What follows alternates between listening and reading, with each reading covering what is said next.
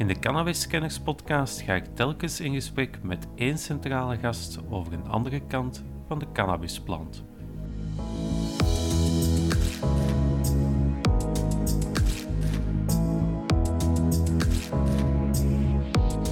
Ik vind de tabaksindustrie een heel mooi voorbeeld, hoe je echt wel op korte tijd die publieke perceptie en ook het gebruik kunt laten dalen. Bijvoorbeeld alcohol en, en cannabis, als we daar naar kijken, zijn dat twee producten die substituten van elkaar zijn. Dus dat wil zeggen dat als het ene product, ehm, als de vraag daarnaar stijgt, dan gaat de vraag van het andere product dalen.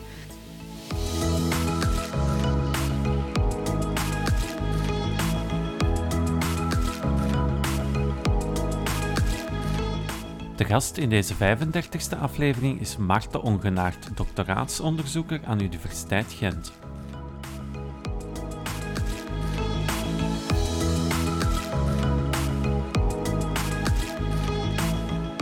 De politiek, de media.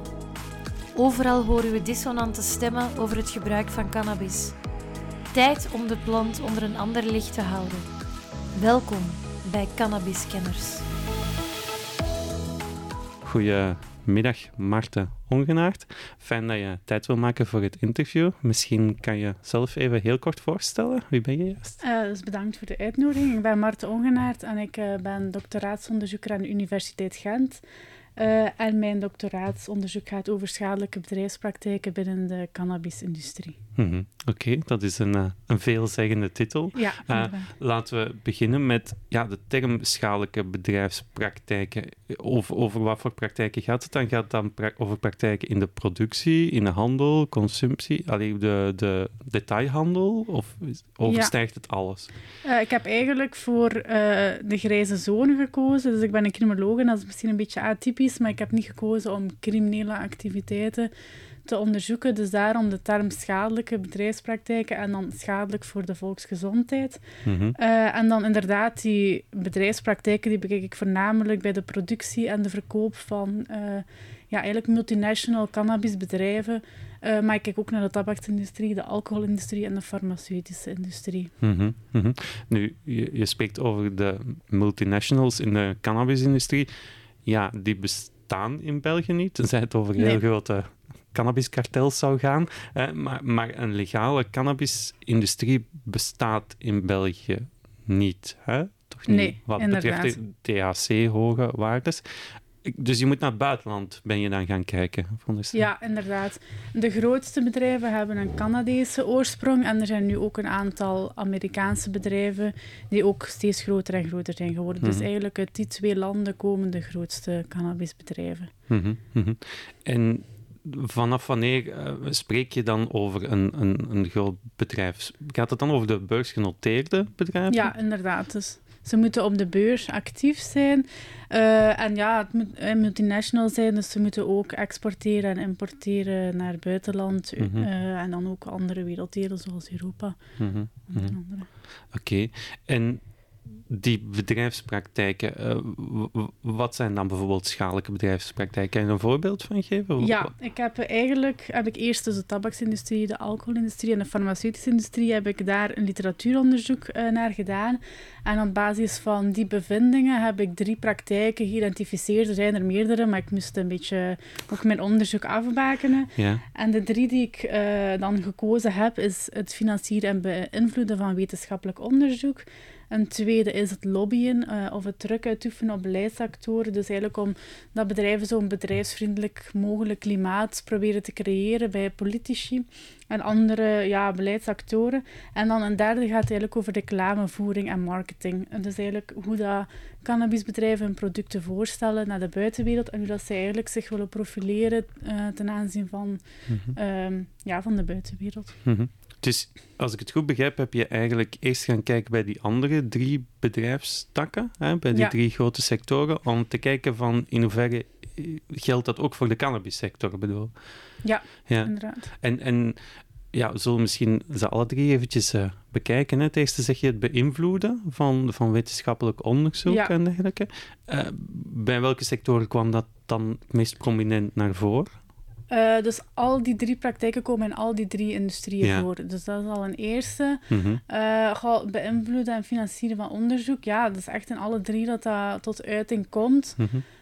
Denk misschien de tabaksindustrie, dat dat daar ook het meeste onderzoek naar gevoerd is. Mhm. Ehm, omdat ja, vroeger konden die echt alles. Tabak was overal en eh, tabak was gezond. Eh, Er werd vroeger heel veel reclame van gemaakt. Dokters, eh, dat dokters zeiden dat het goed was voor de keel. Ehm, en dan zien we toch wel dat eh, ja, consumenten die kregen longkanker en dan ja, dokters konden dat dan linken aan tabakgebruik. En op basis van die beweging zijn er dan echt een golf van rechtszaken ontstaan in de jaren 90 in Amerika. Eh, waar echt burgers die tabaksbedrijven aanklaagden. Eh, en op basis daarvan is er wel een kentering, heeft een kentering teweeggebracht. Ehm, en zijn die bedrijven ook veroordeeld geweest omdat ze wisten dat een product heel schadelijk was. Maar dat ze daar eigenlijk ja, over logen of niet over uitkwamen. Dat ze ja, onderzoek beïnvloeden, zelfonderzoek deden. Dat niet volgens de principes van eh, ethisch onderzoek eh, werd, allee, of verliep. Ehm, en ja, zo is dat aan het licht gekomen. Ze moesten dan ook een interne documentenprijs geven, eh, naar aanleiding van die rechtszaken. En daardoor is heel veel ja, aan het licht gekomen, eigenlijk. Mhm. Ja, want ik las onlangs ook nog een artikel over een Nederlandse rechter die ook een veroordeling had gedaan over ja, dat de meettechniek die tabaksbedrijven gebruikten om de schadelijkheid te Mhm. meten ook niet objectief was. Dan Nee, valt het daar ja. dan ook onder? onder Ja. ja. inderdaad. Bijvoorbeeld nu, ik denk iets recent, is zo heel het eh, vaping, de Mhm. vaping-discussie. Is het echt gezonder dan eh, een gewone sigaret roken? En daar zien we ook wel dat er heel veel onderzoek naar wordt gevoerd, maar ook echt vanuit die tabaksindustrie. Omdat we zien dat sigaretgebruik en sigarettenverkoop jaar na jaar daalt. En die vaping is wel iets dat eh, nu in stijgende lijn is en ook vooral bij jongeren gebruikt wordt. Dus eigenlijk is dat eh, voor hun een opportuniteit om daar allee, heel hard op in te zetten. En ze doen daar ook zelf onderzoek naar. En daar zien we ook dat dat ook niet altijd even kosher is. Ja, ja, Ja. ja. inderdaad. Hè, want het wordt, om bij het voorbeeld te blijven van, de, van het vaping, het wordt in de markt gezet als een gezonder alternatief. Hè. Zoals je zegt, van de, de tabaksindustrie beseft ook wel van wat betreft filtersigaretten is het bijna afgelopen, hè, Mhm. als je het zo mag stellen. Maar is het dan ook gezonder? Is het dan ook, als je kijkt naar de volksgezondheid, mag je het dan als iets, een goede evolutie beschouwen? Ja, er is heel veel debat over. Dus ik ben er ook zelf nog niet helemaal over uit, Mhm. eerlijk gezegd. Mhm. Eh, ja, het is heel dubbel. Ehm, ik denk wel dat sowieso eh, iets beter is voor de gezondheid. Mhm. Maar ja, Maar want het zal misschien ook wel afhangen van welk uitgangspunt dat je neemt. Hè? Neem het uitgangspunt van iemand die al jaren filtersigaretten Ja, rookt, of het uitgangspunt van iemand die er nog nooit mee in aanraking is. Ja, inderdaad. Als we ook zien dat het vooral populair is onder eh, jongeren, Mhm. eh, is dat wel zorgwekkend. En we zien dan ook dat er dan allemaal smaken op de markt komen. Mhm, mhm. Eh, en dat zijn ook vaak snoepsmaken en zoete smaken. Wat dat ook wel aantrekkelijk is voor de jongere generatie. En Mhm. ik denk dat dat ook geen, geen goede evolutie is. ja, want er is inderdaad ook sprake geweest al om, om die smaken te beperken of, of om dat af te voeren. Mhm, ja. inderdaad.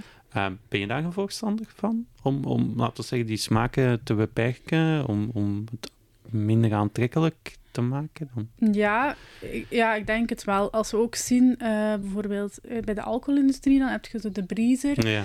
Eh, dat heeft ook zo heel zoete smaken. en ook, we zien dat die reclame, dat dat echt zo gericht is op jongeren. Mhm. Ze noemen het ook, ik denk zo, de flavor of youth. Dus eh, ja, ik ben daar wel voorstander van om dat toch een beetje in te perken. eh, en Mhm. er niet voor te zorgen dat er echt een hele marketingstrategie wordt Mhm. gevoerd op, op jongeren die daar toch wel kwetsbaar voor zijn, denk ik. Mhm, mhm. Ehm, ja, de alcoholindustrie. eh, Je zegt als het gaat over, over het, het financieren en, en het beïnvloeden van onderzoek, is het vooral de tabaksindustrie die daar toch een. Gewoon nee, alle drie. hè. Alle drie Mm. die industrieën Ja. zijn daar op zekere hoogte schuldig aan. Maar misschien de tabaksindustrie heeft echt wel een slechte naam lang... Ja, op dat vlak gekregen misschien. Hè? Daarom, de verhalen zijn denk ik ook het bekendste. Hè? Ja, als het over, over beïnvloeding gaat. Ehm, het, het tweede aspect, het waren er drie, het tweede ging dan over marketing. Hè, dat, dat zeg je, Ja. dat is ook een heel belangrijk. Mhm. schadelijk bedrijfspraktijk, omdat het aanzet tot gebruik, veronderstel ik. Hè? Eh, marketing zet aan tot verkoop, dus gebruik en Ja, gebruik. Ik denk gewoon dat we ons eh, de vraag moeten stellen eh, of dat we echt wel producten die bewezen schadelijk zijn, of dat we daar reclame voor willen Mhm. maken. Mhm. Ehm, en bij alcohol is dat zoiets ingeburgerd, zeker in België, denk ik. Allee, daar Mhm. zijn echt minimale restricties op. Ehm, maar als je dan kijkt naar vroeger, naar die eh, tabaksreclame, Mhm. dat kan je nu niet meer voorstellen. Nee, nee, nee, nee. In België Ehm, rook je nooit alleen en we waren al. Ja, en ik denk ja, dat we dan misschien ook later van, van alcoholreclame gaan denken. Ehm, Ja, maar wat maakt... Hè, want ehm wij hebben allebei de voorbije twintig jaar, als het gaat over tabak, een heel grote evolutie meegemaakt. Hè. Ik, ik kan me nog herinneren dat je mocht roken in de trein. Ja. Mijn god. En op café en restaurant, dat is allemaal nu niet meer van toepassing. Waarom is het wel gelukt om bij de tabaksindustrie die, die restricties op te leggen en, en lukt het bij de alcoholindustrie echt minimaal? Ehm, goh, ik, ja, ik vind tabaksindustrie een heel mooi voorbeeld, hoe dat je echt wel op korte tijd die publieke perceptie en ook het gebruik kunt laten dalen. Inderdaad, mijn vader die zegt dat hij in het begin van zijn carrière als leerkracht in de klas mocht roken. Ah ja. Dus ik kan mij dat echt niet voor de geest halen en dat is op één generatie. Dus Ja. dat is in, eigenlijk enorm snel gegaan. Mhm. Ehm, dus ja, dat is echt wel een, een mix geweest van slimme beleids- allee, of reguleringsopties die zijn toegepast. Mhm. Ehm, en ja, waarom dat, dat voor alcohol niet lukt, ik denk dat dat echt die publieke perceptie is, maar ook die alcoholcultuur die in België heerst. Eh, de alcoholindustrie heeft nog steeds zeer veel macht en wordt ook vaak, eh, hè, bijvoorbeeld die, die lobbyen en die drukuitvoeren, wordt vaak gebruikt als partner van de overheid in tal van preventiecampagnes. Mhm. Ehm, dus ik denk dat dat heel moeilijk is om bij alcohol eh, die maatregelen toe te passen. Ja, ehm, is het ook niet een, een... Want zoals je zegt, je kan slim gaan reguleren, hè, zoals bij sigaretten, maar je moet toch ook een maatschappelijke omslag hebben. De, de visie van mensen moet toch ook veranderen op een bepaald product. En is het niet een wisselwerking tussen die twee, tussen slim reguleren en dat daardoor de perceptie van mensen op een product verandert? Of, of omgekeerd? Ik weet niet in welke richting dat het misschien het meeste werkt. Hè? Moet je eerst de perceptie veranderen en dan de regels? Of... Ja, ik denk dat het, allee, dat een synergie is en dat het samen moet gebeuren. Maar als er bijvoorbeeld voor alcohol geen reclame meer mag gemaakt worden, Mhm. En eh, bijvoorbeeld ook, de, dat is ook een eh, reguleringsbeslissing, dat de neutrale verpakking of Mhm. een waarschuwingstekst op de verpakking of die verschrikkelijke foto's die we nu hebben, dat zorgt ook wel dat het aan het product niet meer zo aantrekkelijk wordt. Of ook het taxeren van, van een product, waardoor dat, eh, de prijs stijgt. Dat zorgt wel allemaal voor een bepaalde perceptie. Maar ik denk inderdaad dat, dat het publiek daar ook voor moet klaar zijn en dat, die, dat dat ook even belangrijk is. Mhm. Want hè, als we die twee nu gaan vergelijken, naar, hè, je zegt het zelf, die verpakkingen. Hè.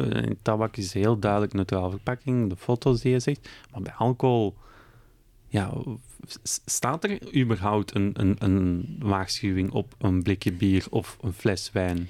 Goh, ik denk eh, het enige is eh, dat je het niet eh, mag drinken als je Ja. zwanger bent. Ehm, Maar daar stopt het dan. ja, inderdaad, ja. En, en als het dan gaat over reclame, eh, er mag wel reclame gemaakt worden, maar dan, dan, dan wordt er op het einde één zinnetje gezegd. ja. Ja, gaat dat het verschil maken? Nee, dat is echt heel minimaal. Is, Ja. is dat dan een, een soort van. Komt dat door, door het overleg dat, dat de alcoholindustrie er te nauw bij betrokken is bij de regelgeving? Als in van, ja, eh, reclame, kom, we laten het toch, maar we zullen dat zinnetje op het einde zeggen. Is dat dan een soort van compromis waarbij dat Ja, toch nog te veel te zeggen heeft? Ja, ik denk sowieso dat de alcohollobby sterk is in België, dus dat is zeker ook daarom. Ehm, maar ik denk ook dat we daar nog niet als samenleving klaar voor zijn, omdat eh, ja, het is echt een deel van de cultuur en er is nog zo'n positieve perceptie op alcoholgebruik.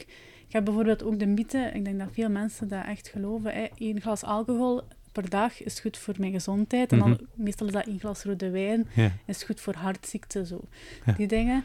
Maar dat is echt een mythe die ingestuurd is door de alcoholindustrie. En als je ja, met, met dokters of wetenschappers in het veld gaat praten, gaat niemand eh, zeggen dat dat klopt. Eh, elk, eh, elk glas alcohol is per definitie schadelijk voor je gezondheid. Eh, maar ik denk dat dat nog zo fel ingeburgerd is dat allee, dat, dat nog niet zo snel gaat komen. Ja. Spelen misschien ook economische belangen. Natuurlijk, de alcoholindustrie in België, ja, het is natuurlijk ook een, een exportproduct. Ja, Ehm, Mhm. Dat zal misschien ook een rol meespelen. Hè? Van, ja, als, als je... re- eh, Ik kan me voorstellen dat de alcoholindustrie gaat zeggen op een gegeven moment, ja, als reclame verboden wordt, dat gaat wel een in- impact hebben op onze verkoopcijfers, dus een impact op het aantal personeelsleden dat we kunnen Ja. tewerkstellen. tuurlijk. Zoiets. Ja, tuurlijk. Ja. Het is, allee, het is ook zo simpel. Hè. Ze hebben een private belangen. AB InBev Ja, is denk ik werelds grootste alcoholbedrijf. Allee, die economische belangen zijn enorm. Hè. mhm, Ja. mhm.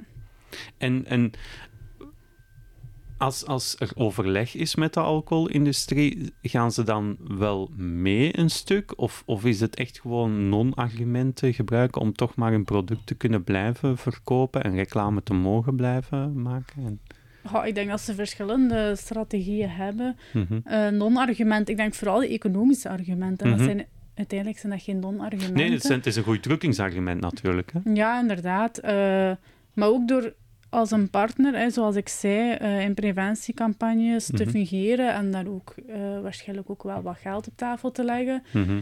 eh, maak Hm. je ook ja, dat ook die publieke perceptie positief is tegenover de alcoholindustrie en Ja. dat die echt wel worden gezien als een Mhm. partner in het beleid, terwijl dat die eigenlijk wel een eigen private ehm, Belangen hebben. belangen hebben. Die, allee, je voelt dat ook aan, die clashen met de publieke belangen van de samenleving. Dan zou ik nog willen ingaan op, op een, een, een tak die we nog niet hebben benoemd, dat is dan de farmaceutische industrie. Ja. Ik denk dat dat misschien wel wat moeilijker ligt om te zeggen van, ja, van, van tabak en alcohol kan je Ja. zeggen, het zijn schadelijke producten, punt. Mhm. Dat is natuurlijk moeilijker om te zeggen van een geneesmiddel. Ja, dat is inderdaad, eh, die hoort erbij in mijn onderzoek, maar ik merk op verschillende vlakken dat dat moeilijker is om die, ehm, ja, die vergelijking te maken, omdat inderdaad eh, geneesmiddelen ook zeker bevorderlijk zijn voor, Ja. voor je gezondheid. Maar dan denk ik als sprekend voorbeeld, waarom dat je die toch kan meenemen, is de opioïdencrisis in Amerika, die iedereen denk ik wel ongeveer kent. Dan zien we wel dat, ja, dat de farmaceutische industrie, die echt beweegt in een vrije markt, daar wel een half miljoen levens heeft gekost in Amerika, daar een super agressieve marketingstrategie opgezet Mhm. Eh, en waar dat ze ook wel di- direct inzagen dat verslaving een, go- allee, een goed businessmodel is, hè, om veel geld mee te verdienen. Eh, Mhm. en dat leed in de samenleving, dat, eh, dat is tot op de dag van vandaag ongezien. Ehm, Mhm. dus dat voorbeeld geeft wel aan dat we daar ook wel naar mogen kijken, naar die industrie, en daar ook kritisch tegenover mogen staan. Ja. Maar het is natuurlijk als overheid een, een pak moeilijker, denk ik, om daar kritisch tegenover te staan dan, dan tegenover de alcoholindustrie of de tabaksindustrie. Hè? Want ja, het zijn natuurlijk ook nog de bedrijven die geneesmiddelen ontwikkelen, die ook vaccins ontwikkelen, hè? Mhm. voor corona bijvoorbeeld. Hè? Ik geef maar een voorbeeld. Je bent nog altijd afhankelijk van die bedrijven als samenleving. Ja, de verhouding ligt wel anders. Ja, tuurlijk. Ehm, allee, ik zie zeker in dat die vergelijking minder makkelijk te trekken is Mhm. dan bij alcohol en tabak. Maar ik vind wel dat we daarnaar mogen kijken, zeker om, omdat we ook zien dat die farmaceutische industrie ook veel interesse heeft in die cannabisindustrie. Mhm. Dus daarom vind ik wel dat we die erbij mogen nemen Mhm. met een bepaalde nuance, denk ik. Ja, Eh, al- als we het dan inderdaad over hè, die opkomende cannabisindustrie hebben, hebben de drie takken allebei interesse in die markt? Eh, allemaal, hè, zowel tabak als alcohol als farmaceutische industrie? Eh, ik heb een aantal maanden geleden een netwerkanalyse uitgevoerd, eh, omdat ja, ik had die literatuurstudie gedaan en dan wil ik nu onderzoeken in welke mate is die cannabisindustrie, allee, gaan die ook zo bedrijfspraktijken stellen. Dan was natuurlijk noodzakelijk om de link te leggen tussen die industrieën met elkaar. ja. Dus ik heb eerst gekeken naar de verschillende eh, ja, linken tussen de beide industrieën, maar dan vooral op vlak van investeringen, overnames, Mhm. aankopen van aandelen van elkaar. En dan zien we echt dat dat, ja, dat dat echt een spinnenweb was geworden. Dat er enorm veel interesse eh, naar is. Maar dat is natuurlijk, kan dat makkelijk verklaard worden. Bijvoorbeeld alcohol en, en cannabis. Als we daar naar kijken, zijn dat twee producten die substituten van elkaar zijn. Dus dat wil zeggen dat als het ene product, ehm, als de vraag daarnaar stijgt, dan gaat de vraag van het andere product dalen. Mm dat zien we toch in de VS al bijvoorbeeld, ja, hè, in de praktijk. Dat alcoholgebruik daalt als cannabis gelegaliseerd wordt. Dus die alcoholindustrie, die hebben dat ook wel door. En die zien die, die cannabisindustrie als een bedreiging. Um, en dat is ook een opportuniteit om daarin mee te gaan, om dan alcoholdrankjes uh, met mhm. cannabis of met THC in te verkopen. Dus die hebben daar ook een belang in, in die industrie. Uh, en dan, waarom dat de tabaksindustrie ook enorm veel interesse heeft, omdat, ik, zoals ik eerder gezegd heb, uh, de tabaksindustrie doet het niet zo supergoed. Hè. Het, het gebruik daalt jaar na jaar en dat is een trend die niet lijkt te stoppen. En dan bijvoorbeeld met die vaping. Mm Die opportuniteit is daar een enorme opportuniteit bij cannabis om een product uit te breiden. En uh, tabak en cannabis zijn complementaire goederen. Dus als de vraag van het ene product stijgt, stijgt ook de vraag naar het andere product. en we zien ook dat tabak en cannabis vaak samen gebruikt worden. Mm Het is hetzelfde product. De, de sigaret, de joint, uh, wordt er op dezelfde manier ingenomen. Dus ze mhm. zijn al thuis in de industrie, dus het is heel makkelijk om voor hen de overstap te maken. Um, en dan heb ik ook als tweede naar, um, was ik eigenlijk benieuwd, bijvoorbeeld het topmanagement van die cannabisbedrijven. Wie zijn dat? En mhm. van waar komen die? Uh, en dan zag ik ook heel duidelijk, dat was een heel interessante oefening, dat uh, denk het merendeel van topmanagement van die grote cannabisbedrijven, dat die eigenlijk een professioneel verleden hebben in de alcohol, uh, tabaksindustrie of de farmaceutische industrie. Mm -hmm. dus dan kun je wel stellen dat die kennis en die praktijken, dat dat ook wel een beetje overgedragen zal worden, omdat die zo nauw aan elkaar verbonden zijn. Ja, ja ze hebben al ervaring met, met de, de markt van een, een, een bepaald roesmiddel en ze switchen dan naar cannabis om daar dan eigenlijk hun, vaardigheden en hun kennis in, in, in, in over te dragen in, in die markt. Ja. Um, en de farmaceutische industrie heeft natuurlijk ook interesse. Ja, om, uh, dat is dan eerder in medicinale cannabis, mm dat zij dan ook mogelijkheden zien om eigenlijk wordt medicinale cannabis, uh, als ik daar naar kijk, vaak gebruikt uh, uh, ter vervanging van, allee, eigenlijk minder ter vervanging van een conventionele medicijnen. Mm -hmm. dat zijn dan echt mensen ja, waar dat de gewone traditionele ehm, medicijnen niet echt meer op werken, die dan overschakelen. Maar we zien voornamelijk dat, dat dan die medicinale cannabis gebruikt wordt om bepaalde neveneffecten van de conventionele medicijnen uh, in te perken. Dus daar is ook wel natuurlijk wel voor hen mm een markt in. En mhm. kunnen ze ook wel in investeren. Ja, ja. Um, die, merk je dat ze nu al die, die drie lobbygroepen, hè, ook in landen waar men aan het werken is aan een regulering, dat ze daar ook hun invloed willen gebruiken? Hè? Want ja, het is natuurlijk makkelijker om je invloed te gebruiken als de regels worden gemaakt dan als ze al gemaakt zijn. Ja. Merk je dat, dat bijvoorbeeld in, in een land als, als Duitsland dat een regulerend kader wil uitwerken? Er zijn mm nog x aantal landen. Ja, ik kan me voorstellen dat die markten, die, die bedrijven nu daar inspraak willen hebben. Nu ja. de regels gemaakt worden. Ja, dat is zeker. Ja. Uh, als je er al vlug kunt bij zijn, denk ik dat je het makkelijker naar je hand kunt zetten. Mhm, mhm. Ehm, ik heb nog niet echt... Allee, dat, dat staat verder op de planning om dat te onderzoeken, hoe dat die cannabisbedrijven lobbyen mhm. en druk uitoefenen. Um, maar ja, die allee, de Amerikaanse, Canadese bedrijven die hebben ook wel al uh, vestigingen in Europa. Als je kijkt naar want het is vooral vanuit het gezondheidsperspectief dat je spreekt over schadelijke bedrijfspraktijken. Welke landen mogen we dan als voorbeeld nemen vanuit die invalshoek? Uh, ik denk Uruguay, die echt gekozen hebben voor een not-for-profit model in mm zaken cannabis. Maar ik denk Duitsland, uh, alleen, het staat ook nog niet vast. Mhm. Ehm, maar de dingen die ik daar nu al over lees, hun insteek is wel goed. Want het doel van een Allee, regulering is om de volksgezondheid te beschermen, vooral van jongeren. En ook jongeren die nu al gebruiken, maar die nu cannabis halen op de zwarte markt. Mhm. Dus uh, dat is de juiste insteek.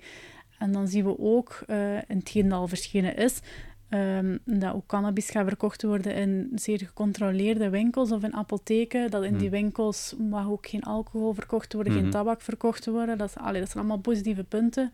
Mag niet... Um, in de nabijheid van scholen verkocht worden. Reclame gaat verboden worden zonder uitzonderingen. Dat zijn allemaal wel uh, Goeie punten. Ja, positieve punten waar we echt wel van kunnen leren. Uh, ik denk ook dat de verpakking moet ook neutraal zijn. Mm dus ik vind wel dat zij alleen een slimme mix hebben gemaakt, als het er allemaal doorkomt natuurlijk, uh, van ja, die beleidsopties die toch wel uh, die, allee, die aanbodzijde van cannabis reguleren. Ja, het, het, het is natuurlijk een, een moeilijk evenwicht. We hadden het daar straks al over de accijnzen bijvoorbeeld bij tabak. Je kan die verhogen, je kan die blijven verhogen, maar op een gegeven moment gaan mensen toch wel zeggen van ja, maar zoveel ga ik er niet voor betalen, dan zal ik wel een illegaal pakje sigaretten. Er is natuurlijk een, een bovengrens aan, niet? Aan, ja. waar, je kan, mm waar, je kan opleggen aan, aan regels. Ja, inderdaad. Daarom dat ik altijd spreek over een slimme mix van, uh, van verschillende maatregelen, omdat je niet inderdaad niet alles erop moet gooien van uh, en alles super streng moet maken, want dan denk ik inderdaad dat die zwarte markt uh, even groot zal blijven mhm. of um, toch mhm. niet zoveel zal dalen in aandeel. Uh, dus inderdaad, daar moet, daar moet echt een, een evenwicht voor gezocht worden. En ik denk dat dat moeilijk is. En ik denk dat we dan ja, die tabaksindustrie, zoals ik al heb gezegd, toch als voorbeeld um, moeten houden. En dat we, zoals we dat we nu doen met illegale tabak, dat we altijd repressief gaan moeten optreden tegen die zwarte markt die er dan nog gaat blijven bestaan waarschijnlijk. Ja, ja, maar ja, als je de vergelijking neemt, hè, de, de tabaksindustrie, er is inderdaad een illegale component, hè, maar die is natuurlijk niet zo gigantisch groot. Dat gaat hier niet over tientallen procenten van de markt die illegaal nee, zijn. inderdaad. Um, maar je, je, hebt het over accijnzen, maar natuurlijk een andere factor is ook uw productdiversiteit. Je moet natuurlijk ook nog wel een divers aantal producten of vormen aanbieden, ook weer in functie van die concurrentie met de zwarte markt. Mhm. Ehm, is, is dat iets waar, waar ook wel rekening mee moet gehouden worden? Want je kan zeggen, we gaan toppen verkopen, cannabis stoppen en hash, en daar laten we het bij. Maar op de illegale markt bestaan vapes, bestaan edibles. Ja, moet je dat dan ook niet meenemen in een regulering? Ja, dat denk ik zeker wel. We moeten hm. kijken wat dat nu het aanbod is en hm. Mhm. wat dat we juist willen reguleren. Maar het is iets dat ik vaak hoor, en ik weet niet of je erop hint, maar dat een, eh, een commercieel model of een for-profit model, mhm. eh, dat dat noodzakelijk is om innovatie binnen ja, industrie... Ik zeg niet dat het noodzakelijk is, maar het is natuurlijk wel iets om rekening mee te houden. Je moet wel innoveren. Ja, maar ik vind dat een vaak gehoorde misvatting toch, dat een not-for-profit model niet zo samengaat met innovatie binnen uw organisatie of binnen uw industrie. Mhm. Ehm, ja, het is iets dat ik vaak hoor, dat dat een, zo wat gelijk wordt gesteld met een zekere vorm van amateurisme. Um, maar ik denk, het verschil is bij een for-profit um, model of een for-profit markt, worden uw winsten worden gewoon uitbetaald aan uw aandeelhouders. Mm ook waarschijnlijk wel, een bedrijf. Maar voor een not-for-profit model mag je winsten maken. Daar, daar is niks mis mee, maar worden die gewoon helemaal terug geïnvesteerd in je bedrijf. Dus ik denk dat dat innovatie uh, niet echt in de weg staat. Ik denk dat dat dan gewoon een kwestie is van maatschappelijk duurzaam ondernemen, waar dat de organisatie de belangen van, van je drugsbeleid voor ogen moet houden en daarnaar moet streven. En ik denk dat er dan ook, ik denk dat verschillende sectoren, alleen verschillende organisaties in verschillende sectoren ook dat tegendeel bewijzen en ook voldoende hmm. innovatief zijn. We hebben het al over heel veel mogelijkheden gehad, maar kan je concreet eens opzommen welke beleidsopties zijn er juist als je een cannabismarkt reguleert? Ja, ik kan er wel een aantal ja. opzommen. Het is een, een waaier van mogelijkheden. Ja. Uh, ik denk dat we bijvoorbeeld hebben de THC-haltes gehaltes vastleggen. Um, en dat reguleren, maar ook kwaliteitscontroles op je product. Mm -hmm. Laat me eventjes op ingaan over die THC-gehaltes. Het is altijd iets wat, wat wel naar boven komt als een land wil reguleren. Ik denk dat Duitsland er ook heeft over gesproken. Van, eh, ja. Maar daar zijn ze nog niet goed uit. In, in Uruguay is het wel, denk ik, hè, 15% of zo. Maar in veel andere landen niet. Wat, wat, wat zie je als voordeel daaraan om, om die THC-limieten te leggen? Goh, ja, ik denk als, als we daar echt uh, geen limieten op leggen, Eh, en die bedrijven kunnen daar hun ding doen. Eh, ja, Mhm. ze willen ook winstmaximalisatie en zoveel eh, mogelijk producten verkopen, wat dat logisch is. Eh, denk ik ook dat zij daar ook eh, in gaan spelen, in die THC-gehaltes. Ehm, dat we daar toch wel voorzichtig over moeten zijn, dat we niet een te sterk product krijgen. Mhm. Ik denk dat we dat nu ook al zien in de illegale markt. Hè. Eh, uw cannabisproducten worden altijd maar sterker en sterker. ehm, en ik denk niet dat dat een... Je hebt er ook Goede geen controle op natuurlijk, Ja. hè, bij een illegale markt. Bij een legale markt zou je dat wel kunnen hebben. En als je natuurlijk van die limieten oplegt, bestaat dan niet het risico dat er toch een illegale markt blijft bestaan voor sterke Ja. Ja, dat is inderdaad ook weer zo een eh, moeilijk over, Ja, eh, evenwicht. Dat je dan moet bepalen hoe hoog of hoe laag zetten we dat inderdaad, ja. want stel je voor, ik denk dat het heel moeilijk is, maar stel je voor dat we morgen zouden zeggen, in de winkel mag alleen maar alcohol verkocht worden met, tot en met een percentage van 30%, zeg maar iets. Ja, Ja, er wordt bij alcohol meestal gemeten met een standaard glas. Hè? Een, een Ja, glas whisky is een Ja. pak kleiner dan een glas wijn, Ja. maar de hoeveelheid alcohol blijft 10 gram, denk ik dat het is. ja. is die richting zou je ook kunnen opgaan. Hè? Met, we, we gaan geen limieten Mhm. leggen qua THC-waarde, maar gaan wel zeggen van zoveel is één standaard hoeveelheid. Hè? Ja, inderdaad. Eh, ja, en dan moeten we misschien ook, want bij alcohol is dat ook met de verschillende minimumleeftijden dan. Vanaf zoveel mhm. moet je dan Ja. 21 zijn of nog wel. Ja, Ja, want ik, Ja, ik, nee. ik dacht inderdaad dat het bij Duitsland ook sprake was. Hè. We gaan jongen tussen de 18 en 21, maar een THC-percentage van 10 of 15 procent en daarboven geen limiet. mhm. Natuurlijk kom je op het punt van hoe ga je het controleren. ja inderdaad. Het lijkt mij, eh, het lijkt Het mij moet ook nog idee, haalbaar maar, zijn om in de praktijk Mhm. om te zetten. Hè. ja, maar inderdaad complexer, ja. Ja, het is, het is complexer. Oké, THC-gehaltes, wat zijn dan nog zaken? Ja, minimumleeftijd aankoop. Mhm. Eh, ik denk dat dat ook een heel belangrijke is. Mhm, mhm. Dat bij alcohol is dat ook. Ja. Dus dat is vrij een basis eh Mhm. Hier ligt die ook lager dan, dan in de VS. Hè? Misschien is dat wel iets, want in de VS zit vaak 21, zoals Ja. heel veel dingen in de VS Ja, 21 ja. zijn. Ehm, Ja, ik denk dat we die ja, gelijk kunnen zetten met alcohol. En ik denk ook dat we dan moeten kijken naar buurlanden en ook een beetje in dezelfde lijn eh, zouden moeten zetten. mhm, mhm. Ja, dan als derde heb je de regels over verpakkingen. Dus eh, een blanco of neutrale verpakkingen en eventuele waarschuwingsteksten op de verpakking. Mhm, mhm. Ehm, dat schijnt ook heel efficiënt te zijn. Dat er Ja? geen, ja, geen designs, want dat is ook een, een, allee, een marketingvorm. Hè. Een, Mhm. een kleurrijk design of echt een merk. Ehm, ja. Eh, Daar is, daar is veronderstel ik inderdaad onderzoek naar gedaan en dat heeft een groot effect. Gewoon de verpakking. Doet Ja, dat dat- veel? Ja, dat is vooral voor de marketing Ja. tegen te gaan. Anders, zoals ik zei, die breezer, eh, die hebben falle kleuren en het smaakt heel zoet. En dan krijg je een bepaald publiek die Mhm. dat drinkt. ehm, en die daar ook tot aangetrokken zijn. Dus inderdaad, een neutrale verpakking, dat, Mhm. dat is zeker... Allee, dat geeft positieve effecten wel, Mhm. ja. Ja, zijn er nog? eh? Eh, ja, wie mag het verkopen en waar mag het ver- eh, verkocht worden, is ook een heel belangrijke. Dus verkoop het via apotheken, eh, via Cannabis Social Club, kan ook. Ja. Streng gecontroleerde winkels en waar, bijvoorbeeld niet in een kilometer rond scholen. mhm. Online verkoop bijvoorbeeld Ja. is ook iets. Hè? is ook een, ja, inderdaad. ja, maar het, het online verkopen, eh, als je dat tegen mensen zou zeggen, hè, je kan online cannabis verkopen hè, en aan huis laten leven, ik denk dat veel mensen in eerste instantie zoiets hebben van, wat? Ja, Maar anderzijds is het natuurlijk een heel efficiënt middel om een illegale markt tegen te gaan. Hè? Want ja, woon maar eens in een klein dorpje. Hè? Waar, ja Waar- inderdaad. dan, dan is dat misschien wel een, een optie hè, van online verkoop. Ja, allee, dus er moet ook naar gekeken worden hoe dat georganiseerd kan worden. Maar het is ook dan natuurlijk eh, wie dat die webwinkels Beheren. ja, En dat je beheert. een leeftijdscontrole doet als je het dan thuis Ja. laat leveren, moet ook wel Ja, ja, hè, praktische vormgeving.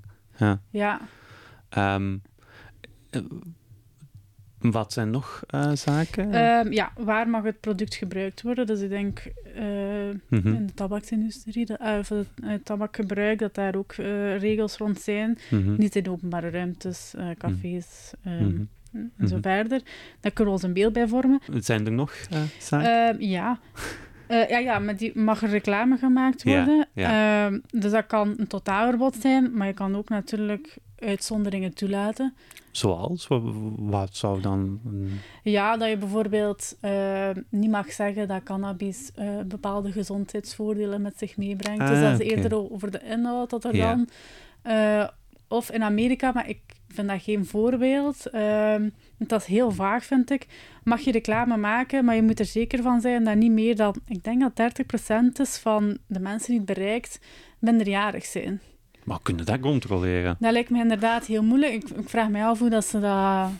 Ja, hoe dat, dat dan door die controle geraakt. Mm. Uh, maar dat zijn bijvoorbeeld uh, ja, vormen van uitzonderingen die daarop Mhm. kunnen bestaan. Ah, Oké, ja. Of, ja, zoals ik al veel heb gezegd, niet rond school in een straal Ja, van een kilometer. ja. Dat zijn ook uitzonderingen. Mhm. Maar ik denk dat dat beter is om, om een totaalverbod ehm, vast te leggen dan om die, ja, die uitzonderingen toch nog Ja, laten want dan wordt het trekbaar en dan worden Ja. er eigen invullingen aangegeven. En... Ja, het geeft mogelijkheden tot misbruik, Ja, denk ik. Ja, dat, was het woord dat ik wou zeggen.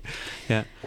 En, Ja. ja. zeg maar. Eh, ja, dan heb ik ook nog taxeren van producten. Ja. Eh, dat hebben we ook al aangehaald. Ja. Eh, Ja. En dan heb ik ook preventie en sensibilisering van consumenten. Ik denk dat dat ook een beleid Dat is een heel is. belangrijke... Ja, ja. die moet daar ook zeker eh, een Mhm. plek krijgen, denk Mhm. ik. Dat is een, een, een aspect dat eigenlijk in het huidige beleid, terugbeleid, ook eigenlijk veel te weinig aandacht krijgt. Hè? Preventie en sensibilisering. Ja, zeker. Als je naar de budgetten kijkt, Ja, ja, Ja. dat zal ik zien. dat is ongelooflijk. Ja. Ehm, toch blijven pa- politieke partijen dat wel el- telkens zeggen van er moet meer naar preventie, hulpverlening gaan. Maar eh, de praktijk wijst toch uit dat het voor het grootste deel naar repressie eh, toe Ja, gaat. o- echt het overgrote Ja. deel. Is, ja, Mhm, dat is mhm, heel opvallend, inderdaad. mhm. Ehm, ja, en als je dat reguleert, denk ik eh, dat je dan al die kosten die je uitspaart op repressie, kan investeren in, Ja. in, in preventie. niet en- alles natuurlijk, maar Nee, toch een nee. heel stuk, dat dat, dat Ja. aandeel veel groter wordt. Ik denk Mhm. dat dat heel belangrijk is, ja. Ik denk dat we het daarbij kunnen laten. Oké. In ieder geval heel erg bedankt. Hè. Bedankt Marten Ongenaard voor dit uitgebreide gesprek. En u luisteraar, u hoor ik graag binnenkort terug voor een nieuwe aflevering van de Cannabis Kenners podcast.